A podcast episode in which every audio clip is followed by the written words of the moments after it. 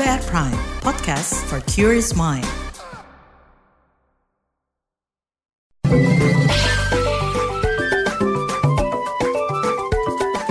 WhatsApp Indonesia. WhatsApp Indonesia kita mulai dari Yogyakarta.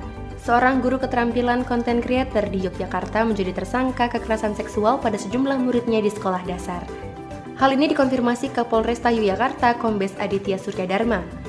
Aditya mengatakan pihaknya menetapkan pelaku NB sebagai tersangka setelah pendalaman kasus.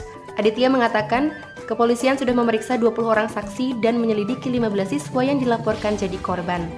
Setelah penyelidikan, dinyatakan 5 siswa memenuhi unsur sebagai korban. Saat ini pihak kepolisian menyita sejumlah barang seperti pisau, ponsel, dan pakaian korban. Selanjutnya kita ke Solo. Dinas Kesehatan Kota Solo meminta masyarakat mengantisipasi merebaknya penyakit di musim penghujan. Juru bicara Dinas Kesehatan Pemkot Solo Setiawati mengatakan demam berdarah, gangguan saluran pernapasan ISPA, dan diare saluran pencernaan harus diantisipasi. Caranya dengan menjaga kebersihan dan kemungkinan adanya kontaminasi. Setiawati menjelaskan beberapa kemungkinan penyakit yaitu diare, infeksi saluran pernapasan atas atau ISPA, batuk dan pilek, juga demam berdarah.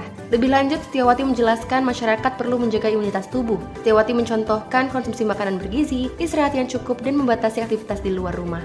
Kebiasaan hidup sehat juga harus diterapkan. Terakhir ke Mataram, Nusa Tenggara Barat.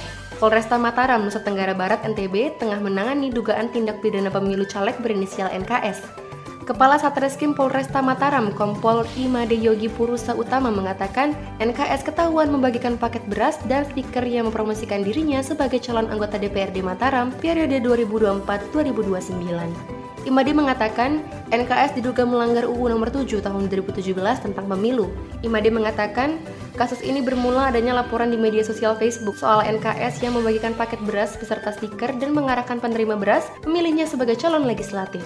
Imade memaparkan, saat ini kasus masuk ke tahap penyidikan dan Polri mempunyai waktu 14 hari memeriksa kembali saksi. Demikian WhatsApp Indonesia hari ini.